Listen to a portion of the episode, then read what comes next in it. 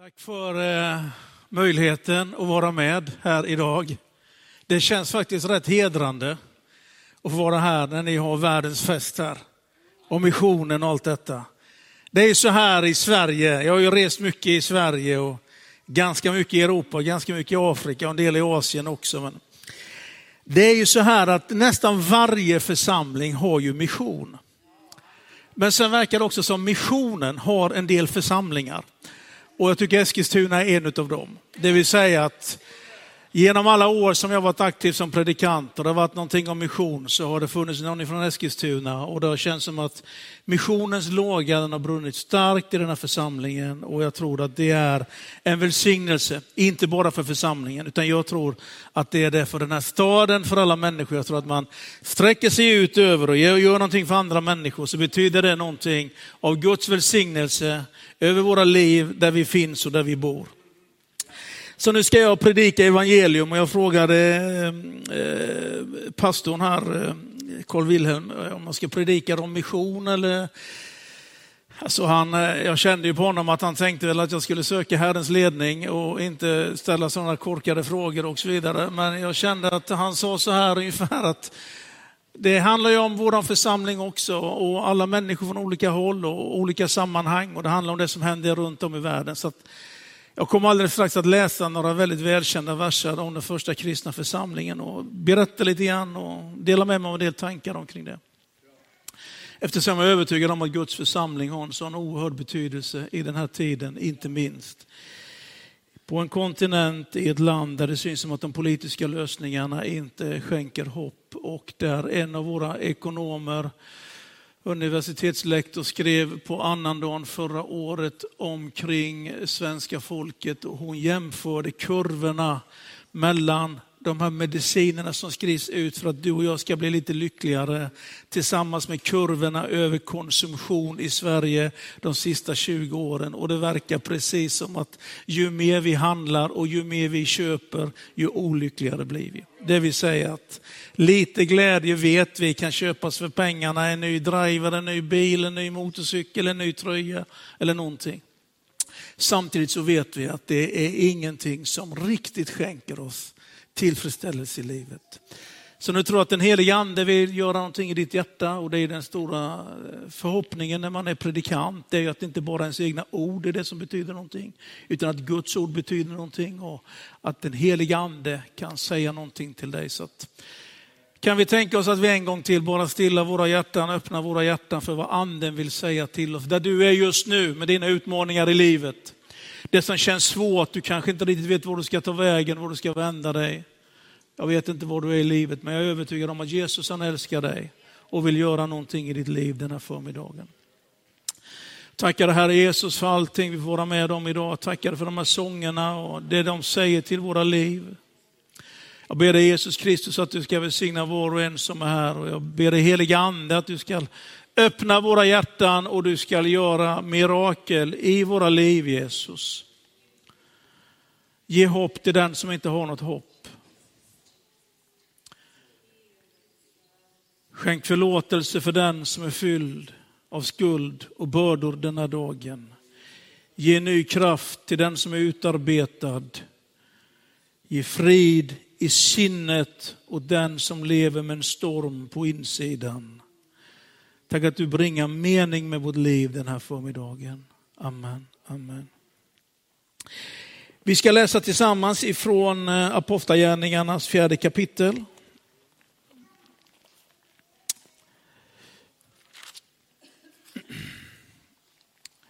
Och jag läser därifrån vers 32.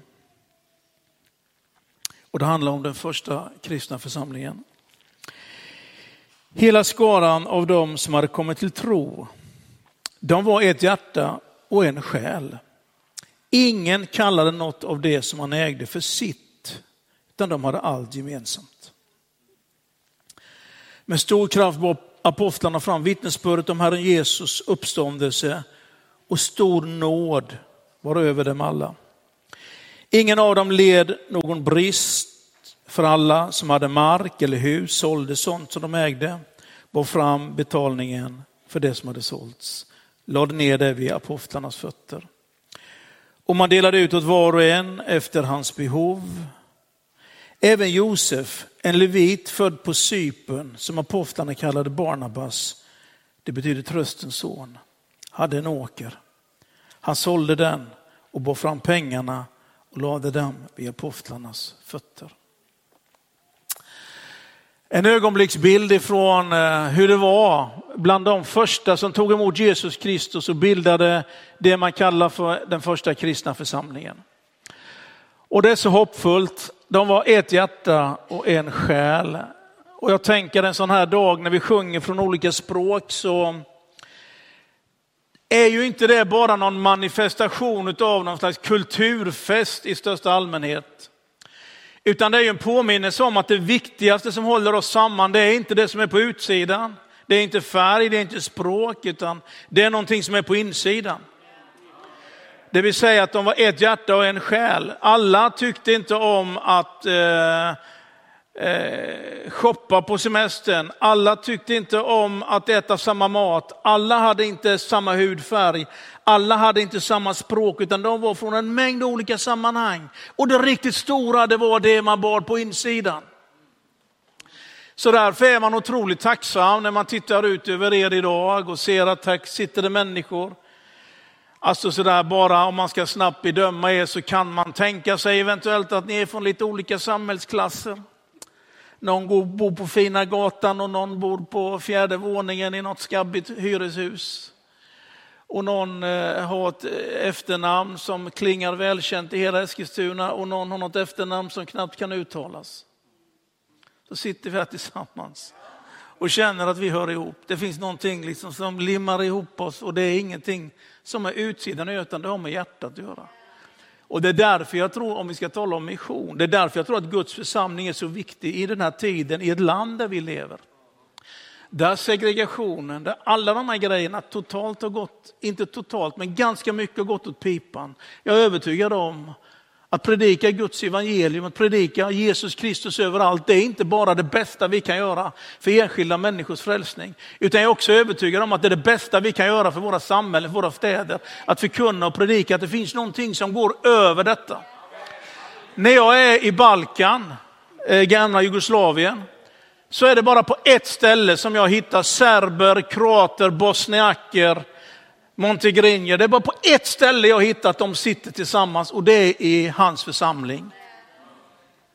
Annars bor man på sina olika områden. Man har levt i fred i många hundra år, men sen plötsligt för drygt 20 år sedan så var det någonting som blossade upp. Eh, politiker blåste undan gamla historiska grejer och man började ta ihjäl varandra, slog ihjäl sina grannar och så vidare. Och när man reser idag på Balkan så märker man hur detta blodet fortfarande ropar från marken över alla oförrätter och allting. Men det finns en plats där jag uppfattar att man kan förlåta, där man kan finna varandra, det finns försoning och det är när man får tag på Jesus Kristus i sitt hjärta. Det är detta evangelium, ett hjärta och en själ. Det är någonting att vara glad för.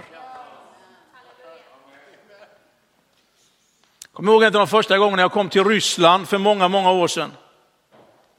Det är bra att åka till Ryssland ibland och åka till eh, Florida ibland för att då känner man sig inte lika stor och kraftig som man kan göra i Sverige utan då finns det ju andra oversize och så vidare. Ibland kommer jag första gången jag kom till Ryssland för många år sedan. Sovjet hette det på den tiden. Du vet, där var det ju stora, bamsiga, riktigt fullvuxna bröder framförallt. Inga systrar fick vara med mer än när serveringen började och så vidare. Det var lite så här old rigid conservatism och så vidare kommer jag dit vet du, tillsammans med vår pastor eh, och, och eh, jag kunde ingen ryska, de kunde ingen engelska. Eh, de bara kom mig till mötes. De omfamnade mig och gav mig en blöt, helig kyss rätt på munnen. Man fattar ingenting knappt. Men man känner sig så älskad och man känner sig så hemma och man bara känner att du vet, det finns ju någonting som håller oss ihop. Du vet, tron på Jesus Kristus kommer att ge dig en familj över hela jorden. Tron på Jesus Kristus kommer att ge dig en plats att möta människor och där du kommer kanske inte att förstå språket, du kommer inte förstå kulturen, men du kommer ändå känna den här djupa samhörigheten av någonting som sitter på insidan. Så är du trött på att leva liksom bara ett liksom inrutat svenneliv eller någonting annat. Om du liksom vill ha en vidare värld, du vet, då är det ett bra sätt. Det är att vara med i Guds församling som sträcker sig ut över hela världen. Ett hjärta och en själ. Så att underhålla det. Jag tror att det var några grejer i den här församlingen som gjorde att det skedde. Bland annat så var det detta stora att, att texten konstaterar att Guds nåd var stor över dem. Är du tacksam för att du är frälst? Är du tacksam för din församling? Är du tacksam för de gåvor du har? Är du tacksam för de få eller många pengar du har på din bank? Inser du att ytterst lite i våra liv handlar om vår egen förmåga och våra egna ansträngningar, utan det riktigt stora i vårt liv, det är bara Guds stora nåd. Jag har arbetat fem år i Etiopien. rest genom Addis Abeba, såg dessa uteliggare, såg alla killar och tjejer som inte hade någon familj eller någonting. Letade rätt någonstans på någon varm del liksom på asfalten på kvällen. Letade rätt på en plats liksom där man kunde sova, ganska hög höjd och kallt på nätterna. Dra en kartongbit över sig och lever i denna enorma misär. Hundratusentals ungar det bor 80 miljoner människor i Etiopien och jag konstaterar bara att mina barn, där det hade varit större risk, eller hur man nu ser det, att de hade bott på en gata i Addis Abeba än att de hade vuxit upp i ett land, Sverige, där man har tillgång till skola, där man har tillgång till annat. Du vet, det är Guds stora nåd och jag tror att ju mer medveten man är med om nåden, ju mer kommer man att kunna vara ett hjärta och en själ med varandra. När man inser att jag heter det jag heter, att jag kommer därifrån jag kommer, att jag har de förutsättningarna. Det har så ytterst lite med min egen begåvning och förmåga att göra, utan det har framförallt med Guds stora nåd att göra. Och ju mer man förstår det, ju mindre man börjar äga och hålla in till sig, ju mer generös kommer man att bli i sitt liv. Du vet, när man tycker att man äger någonting, då är det väldigt lätt att man förlorar det. När du börjar äga dina vänner, när du blir jättebesviken för att du inte får komma på deras nyårsfest. Och du börjar känna att du borde och du börjar liksom känna bitterhet i ditt hjärta. Du vet, när ägandet dyker upp i ditt och mitt liv så kommer det in en massa andra konstiga grejer också in i ditt och mitt liv. Du vet, det är en tillgång att tänka om sitt liv som en nåd. De vänner jag har, det är Guds stora nåd. Den familjen jag har, det är Guds stora nåd. Guds nåd var över dem. Det är bra att påminnas om denna stora nåd, för jag tror att det också är det som sträcker sig ut över världen. Sen verkar det vara två grejer man ägnade sig åt och jag gillar det här. Jag är en, eh,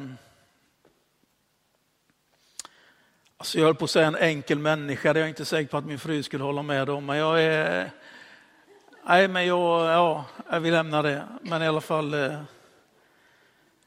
det verkar två grejer de gjorde. Det ena det var att de berättade frimodigt om Jesus och det andra var att de hjälpte dem som hade det svårt.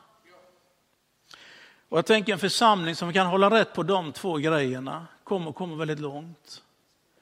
Den kristne som kommer kunna hålla rätt på två grejer i sitt liv, att berätta om Jesus och inte vända ryggen till den som har det svårt, kommer också komma långt i sitt liv.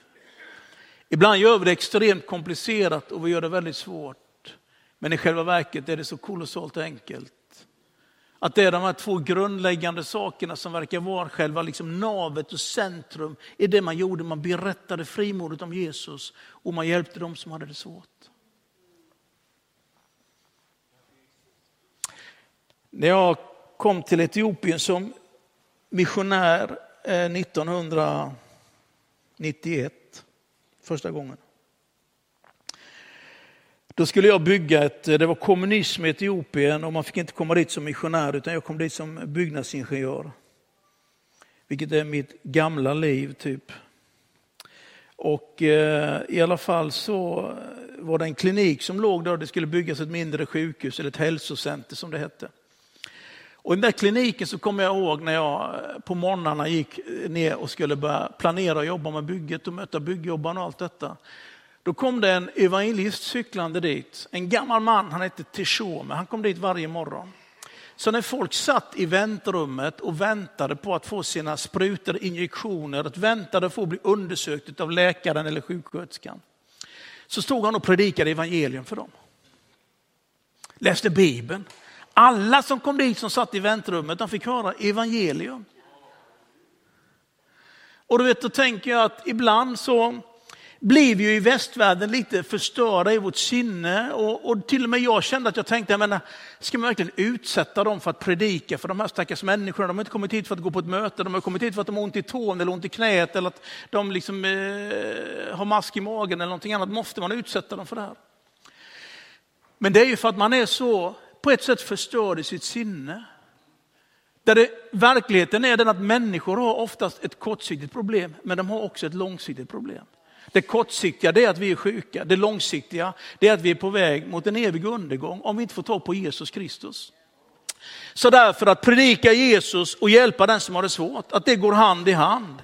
Låt inte någon, någon liksom eh, besserwisser eller någon riktig, sån, eh, riktig vetare ta ifrån den tron i ditt liv där det handlar om att hjälpa den människa som har det svårt, men det handlar också om att berätta för dem om vem Jesus Kristus är.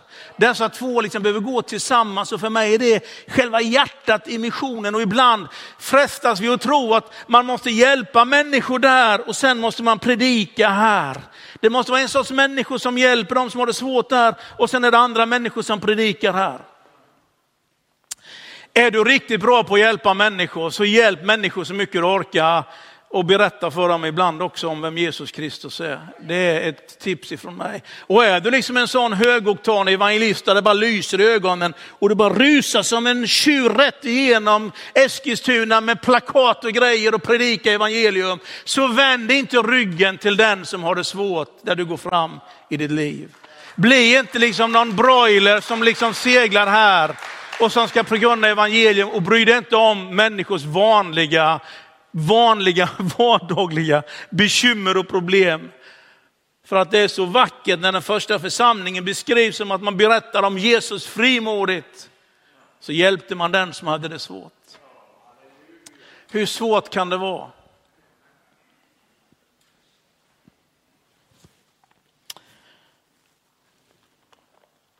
Det är viktigt att berätta om Jesus för att den inre förvandlingen är någonting som är det riktigt stora.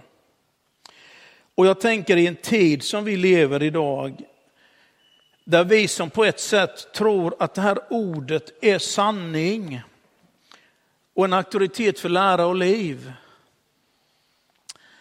Det är ibland svårt i den här tiden där så många uppfattningar är så på något vis långt ifrån det som vi uppfattar det här ordet talar om.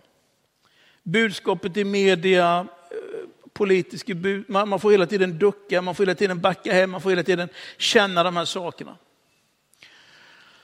I den här tiden så tror jag när människor har så mycket olika uppfattningar kring saker och ting så tror jag att predika om Jesus, att det är det som är det riktigt viktiga. Det vill säga att jag tror att börja inte med att berätta för människor om alla deras fel och bekymmer och deras problem, utan bara försök knuffa in dem i närheten av Jesus Kristus, att de kommer in i ljuset av honom och räkna med att anden kan göra någonting i människors liv min erfarenhet är att det är bara den heliga ande, det är bara Jesus Kristus som kan göra en verklig förvandling på insidan i människors liv.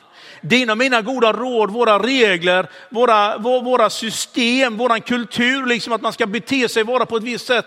Det, jag uppfattar ändå att det hjälper knappt någon människa, men det som hjälper en människa, det är att lära känna Jesus och där någonstans få tag på det som är sanningen i deras liv. Och i det läget kan man också vara beredd att förändra saker i sitt liv. Det står så här i Johannes evangeliets åttonde kapitel när Jesus utmanar dem så talar han om frihet. Jag vill stryka under detta lite speciellt idag för att när jag förbereder mina predikningar, vet du, då, ja, man har predikat länge som jag tycker att jag har gjort. Då tänker man att man inte har så mycket nytt att säga, men eh, jag har kommit underfund med att man behöver inte ha så mycket nytt att säga, utan man kan ägna ganska mycket av livet åt att berätta det man har berättat innan och så vidare. Men nästan alltid så när jag predikar så är det någonting som jag känner i mitt hjärta att det här måste sägas. Och därför tror jag att du är här idag som behöver uppleva inre frihet i ditt liv. Riktig frihet. Och den friheten söker vi på många ställen, men den enda verkliga friheten, det är när Jesus gör ett under i ditt och mitt liv. Den verkliga friheten sitter inte på utsidan, utan den verkliga friheten den sitter på insidan. Och ju mer vi lär känna Jesus, ju friare blir vi i vårt liv. Och därför kommer vi i slutet av den här gudstjänsten att lägga händerna på dig, du som längtar efter frihet på insidan i ditt liv. Och Jesus han säger så här till några judar som sätter honom på prov och det står det så här i eh, i det åttonde kapitlet och en vers eh, som sitter, ligger på höger sida om du har samma bibel som jag och inte kan läsa exakt vilka versnummer det är men klarar den övriga texten så kan du titta liksom där någonstans mitt i. Jesus sa till de judar som hade kommit till tro på honom, om ni förblir i mitt ord, då är ni verkligen mina lärjungar. Ni ska lära känna sanningen och sanningen ska göra er fria. De svarade honom, vi är Abrahams barn och vi har aldrig varit slavar under någon. Hur kan du då säga att vi ska bli fria? Jesus svarade, jag säger det sanningen, var och en som ägnar sig åt synd är syndens slav. Slaven är inte huset för alltid, men sonen är kvar för alltid. Om nu sonen gör er fria, då blir ni verkligen fria. Det vill säga att, att leva nära Jesus, det är att lära känna sanningen. Det kanske inte kommer dag ett, utan det handlar om att vandra tillsammans med honom. Men att lära känna sanningen är enda vägen till verklig frihet i ditt och mitt liv. Inte kanske att göra precis som alla andra gör, eller försöka verka vara en god kristen, eller verka vara, men lära känna Jesus. När man reser runt i Europa som jag gör mycket nu och möter, så möter man alltså katedraler och man går över Karlsbron och man ser liksom alla dessa symboler och man, man ser helgon överallt och man ser liksom enorma eh, kristna symboler och man hör politiker som står upp och talar om att vi måste bevara den, den kristna tron och då menar de nästan alltid bara den kristna kulturen. Då menar de liksom någon nationalistisk identitetsmarkör för vem man är i relation till andra religioner. Men att lära känna Jesus, det är någonting helt annat. Det handlar inte om några kulturer eller några byggnader. Det handlar inte om några tinnar och torn. Och det handlar inte om några bilder eller någonting annat. Utan det är någonting som man kan få tag på på insidan i sitt liv. Att lära känna Jesus. Så därför handlar det inte bara om att ta på sig ett kristet beteende, att kalla sig för någonting. Utan att verkligen lära känna honom. Och då får man lära känna sanningen. Och den sanningen, den förmår att sätta dig fri vem du än är. Och det finns inget mörker i ditt liv som är så stort utan att han kan befria dig. Och det finns ingen synd som är så eländig så att han inte kan förlåta dig. Och det finns ingen skam som är så stor utan att han kan älska bort den med den kärleken han planterade i ditt liv. Det finns ingen faderslöshet som är så stor utan att han kan ge dig en ny relation till far i himmelen.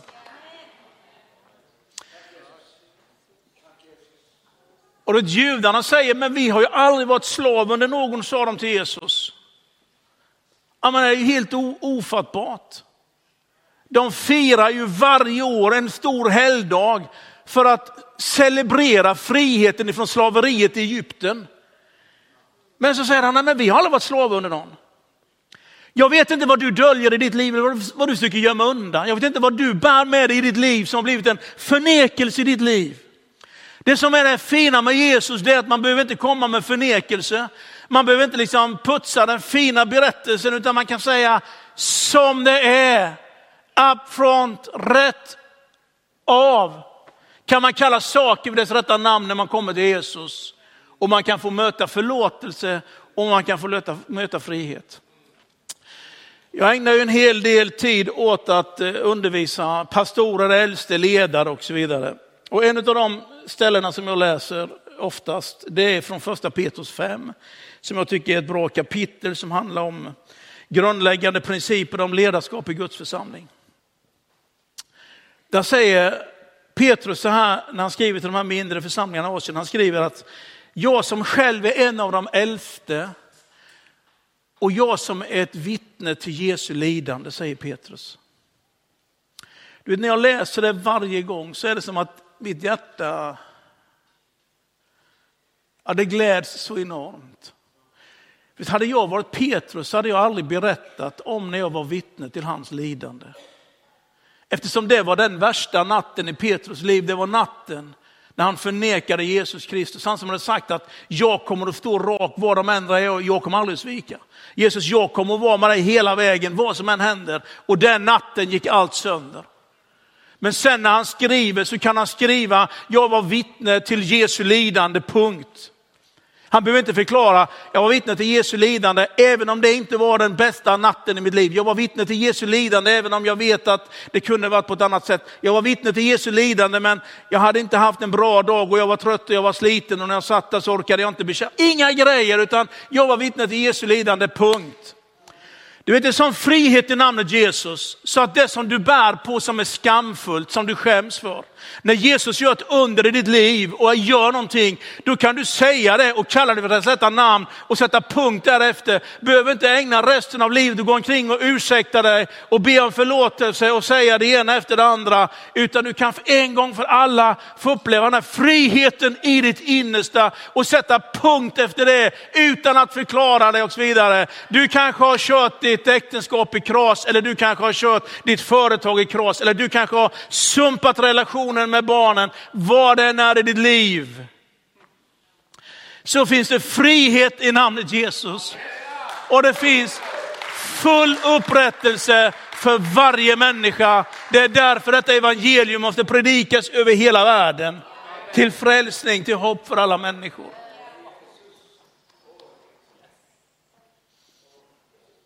Det är därför inte det hjälper och räcker att borra en brunn med friskt vatten. För man kan dricka sig otörstig resten av livet och ändå känna att det är som en öken på insidan i sitt liv.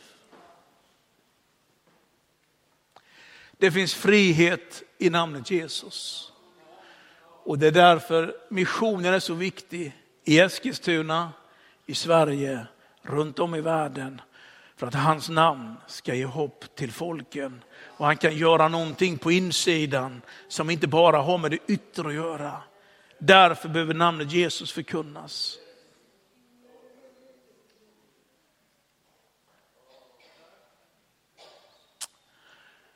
Det är därför du inte ska skämmas för namnet Jesus. När de på kafferasten försöker tvinga dig att förklara korstågen som de kristna gjort genom eh, åren så bry dig inte om att svara på det. Ägna inte din tid åt alla religionskrig runt om i världen. Håll inte på att försöka alla grejer som kanske till och med pingströrelsen har gjort genom århundraden.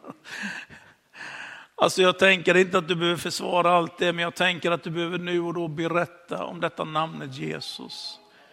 Som kan förvandla människor. Jag har ju en väldigt, eh, på man ska säga, en väldigt o, eh, odramatisk frälsningsberättelse. Jag är uppvuxen i ett eh, kristet hem. Mamma och pappa var pingstvänner. Pappa var äldstebroder och söndagsskollärare. Du vet, när jag växte upp det var inget val att man skulle åka på läger utan man skjutsades dit och man hämtades när det var klart. Och var det möte så skulle man vara där, man blev mutad en eller två tablettaskar men man skulle sitta där och man skulle vara tyst och lyssna på ändlösa långa predikningar. Ungefär som idag. någonstans i allt detta så fann jag Jesus och hade en period i mina tonår när jag försökte pröva någonting annat. Men bara den här enorma längtan i mitt hjärta att jag måste få komma hem igen. Bli döpt i helig ande och mitt liv förvandlades. Men jag brukar ibland berätta att det hade varit lättare om man hade haft en mer dramatisk historia.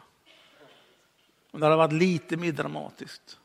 Man är ute och kör med sin motorcykel kör in i en älg, flyger 200 meter, en ängel tar emot den, bäddar ner den i mossan, det kommer ett ljus ifrån himmelen rakt igenom tallarna, en ängel stiger fram. Du vet, jag har ingen sån berättelse. Utan min berättelse är väldigt odramatisk, men jag har ändå märkt vad det kan betyda för andra människor att jag berättar det som är min berättelse. Vad det betyder att få knäppa sina händer, be till Gud. Vad det betyder att få böja sina knä vid barnens säng när de var små och lägga deras liv i Guds hand. Vad det kan få betyda att kunna få be om förlåtelse i sitt liv. Så berätta om Jesus och gör det inte mer komplicerat än vad det är. Gör det på ditt sätt. dina ord, dina stapplande ord. Det som är enkelt. Men låt människor få veta att det finns en som älskar dem, som kan förlåta dem deras synder, Sen kan upprätta deras liv och kan göra allting, allting nytt. Och även om de just nu inte förstår det fullt ut, så jag är övertygad om att det kommer ett ögonblick i deras liv, på någon akutsal på något sjukhus, vid en olycka någonstans längs vägen, när livet kör ihop sig i livet så kommer det finnas ett ögonblick där de har kunskapen och vet att det finns ett namn att ropa på och det är namnet Jesus. Och sen hjälpte de de som hade det svårt. Att hjälpa dem som har det svårt, jag brukar säga ibland att det är det som någonstans mäter den profetiska nivån i en församling. Hur mycket vi bryr oss om dem som är mest utsatt i vår gemenskap. Eftersom jag uppfattar att profetrösten genom hela gamla testamentet handlar om inte bara om frälsning till Gud utan också om socioekonomisk rättvisa och många andra saker. Profeten höjde sin röst för den faderlösa, för den som inte hade någon moder, för den som var en främling, för den som hade det svårt, för den som var fattig, för den som var hungrig. För alla dem så kom profeten och hade ett budskap. Så jag tror idag att, att, inte vända ryggen till den som har det svårt. Det handlar om den profetiska närvaron i mitt liv. Jag tror inte att det bara handlar om att vi liksom högljutt profeterar, utan jag tror att den profetiska anden kommer att kunna kännas igen på vilket sätt vi bemöter varandra och hur vi ser på den människan som har det som svårast. Hur vi ser på den människan som har misslyckats. Hur vi ser på den människan som kanske har gått igenom svårigheter. Jag tror att det är det som är måttet på den profetiska närvaron i en församling. Så därför tror jag att en församling med stark profetisk närvaro kommer att missionera, kommer att hjälpa människor runt om i världen. Kommer att göra sitt bästa för att vara med och sträcka händerna, kommer att göra någonting socialt för de som finns i samhället, kommer att, att betyda någonting för de människorna som, som håller på att gå vilse eller vad det än är för någonting.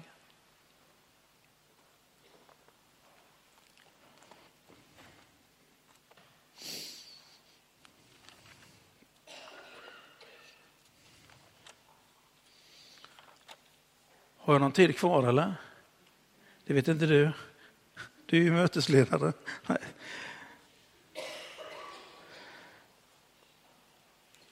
När man läser om församlingen i Filippi, orkar ni någon minut till eller? Ja, annars så, det är okej att sova en stund när jag predikar. Och har du något viktigare att tänka på så gör det. Apostlagärningarnas 16 kapitel, där står det om församlingen i Filippi. Paulus och Silas kommer dit på den andra missionsresan. Och där är det först en kvinna som heter Lydia som är framgångsrik. Hon säljer saker. Hon är den första som tar emot evangeliet i Filippi. Den andra som verkar ha fått möta den här kraften, det var en slavflicka som hade en spårdomsande som gick och ropade och skrek och en dag så får hon uppleva befrielse i sitt liv när Paulus är med och sätter henne fri. Då blir de som ägde den här slavflickan så irriterade så de kastar dem i fängelse, hamnar dem i fängelse och sen kommer den här befrielsen att det öppnas dörrar och de blir fria och de kommer ut och då är det en, en, en fångvaktare som inte längre vill vara med, vill ta sitt liv och känner att man inte riktigt längre liksom orkar med att förklara vad som har hänt och så vidare. Så jag tänker på ett hjärta och en själ, en helt vanlig församling där den första det är en rik framgångsrik kvinna som heter Lydia och den andra det är en spårdomsflicka som är besatt av onda andar och den tredje det är en suicid fångvaktare. Alltså du vet en salig blandning med människor ungefär som vi som sitter här. Och ju mer du udda du känner dig, ju viktigare är du förmodligen i gemenskapen.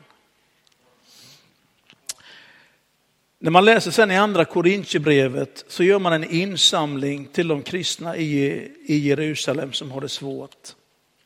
Och där är det så intressant att läsa om den här församlingen i Makedonien. Om vad de gör för någonting. De har det inte så bra liksom. Det är inte så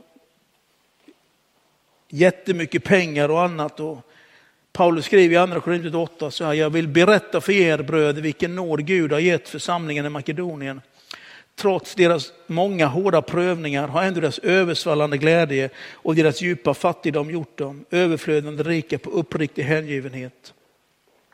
De har gett efter sin förmåga, ja över sin förmåga. Och det var helt frihet, frivilligt, det kan jag intyga. Ivrigt vädjade de och bad om nåden att hjälpa till med arbetet till de heliga. Och de gav inte bara det vi hade hoppats, utan de gav sig själva först och främst åt Herren och sedan också åt oss efter Guds vilja. Så den församlingen som var en brokig skara, när det var dags att göra någonting för dem som var långt borta, så är det som att Paulus han känner att jag, jag borde inte be dem för de har haft det så otroligt tufft. Men så säger Paulus, men de kom ändå och ville.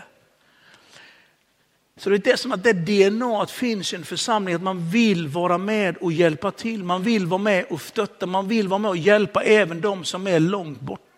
Och det verkar som liksom att det här var så nedplanterat så att även om Paulus kände att de borde inte behöva hjälpa till med detta, så kom de och bad om att vi vill vara med och göra någonting för de människorna i Jerusalem som har det svårt. Vi vill vara med och ge av det vi har. Det är som att allt detta hänger ihop i en församling med generositet och så vidare. Berätta om Jesus hjälper dem som har det svårt. Och det verkar som att den gränsen den slutar inte bara där vi själva är utan den gränsen den sträcker sig ut över hela världen där man vill vara med. Och då står det att den, det var Guds stora nådegåva till dem. Ibland tänker vi att nådegåvor är någonting vi får. Men här är det helt uppenbart att ju mer man har av denna nådens gåva i sitt liv, ju mer utgivande blir det. Ibland tycker vi synd om den som ger mycket till Guds församling. Det är inte synd om någon som ger mycket till Guds församling. Ibland tycker vi synd om de som kommer hit varje vecka och städar och städar och städar. Du vet, det, det är ju för att vi inte har förstått Guds stora nåd. Att vara med och göra någonting. Ibland kan vi tycka synd om någon som tar två veckor av sin semester för att åka med som ledare på ett läger och vi tänker, ska du verkligen göra det? Det är ju ändå två veckor du tar till detta. Du vet, det är ju för att vi så är på ett sätt förstörda i vårt sinne och inte har förstått att det största och det finaste vi kan göra, det är att vara med i detta Guds verk. Vara med och ge av vårt liv, vara med och ge av våran tid. Och det är som allt detta hänger ihop.